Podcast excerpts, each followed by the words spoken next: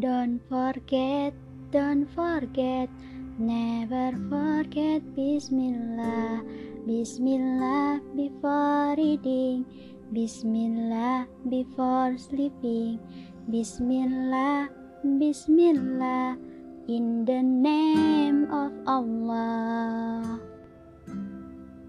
Bahagia itu dari dalam diri, kesannya zahir, rupanya maknawi, terpendam bagai permata yang suci di dasar hati dia bersembunyi.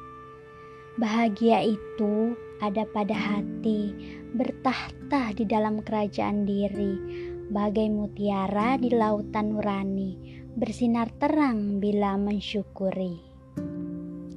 Allah menciptakan hati dan menjadikannya sebagai raja dan anggota badan sebagai bala tentaranya.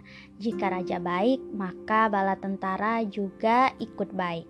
Nabi Shallallahu Alaihi Wasallam bersabda, sesungguhnya di dalam tubuh ada segumpal daging yang jika baik akan baiklah seluruh tubuh dan sebaliknya jika rusak akan rusaklah seluruh tubuh.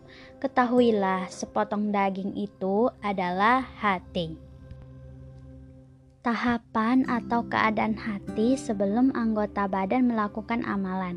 Yang pertama, hajis, yaitu pikiran pertama yang terbenak di dalam hati. Yang kedua, khotirah, bila pikiran tadi menetap dalam hati. Yang ketiga, hadit sunnafs, ragu-ragu apakah melakukan atau tidak. Yang keempat, ham, ia lebih condong untuk melakukan. Yang kelima, azm, kuatnya keinginan untuk berbuat. Tiga hal yang pertama, hajis, hotiro, hadis sunnafs, tidak mendatangkan pahala dalam perkara kebaikan dan sebaliknya tidak mendatangkan dosa dalam hal maksiat. Adapun ham, ham itu yang lebih condong untuk melakukan, maka kebaikan akan mendatangkan pahala dan perkara maksiat tidak ditulis sebagai dosa.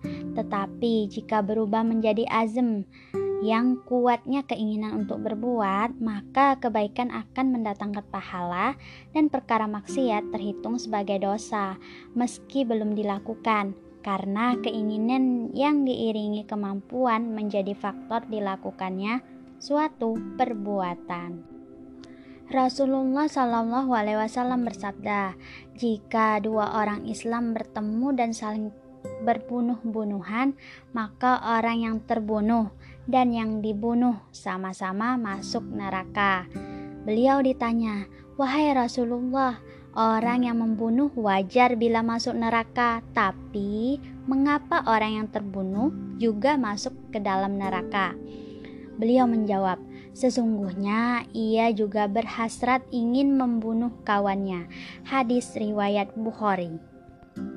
Hati adalah tempat berteduhnya iman dan takwa atau kekufuran, nifak dan kesyirikan. Nabi Shallallahu alaihi wasallam bersabda, "Takwa berada di sini." Beliau mengarahkan ke dadanya sebanyak tiga kali. Hadis riwayat Muslim.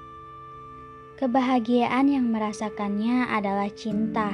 Oleh karenanya, hati menjadi kunci kebahagiaan seseorang.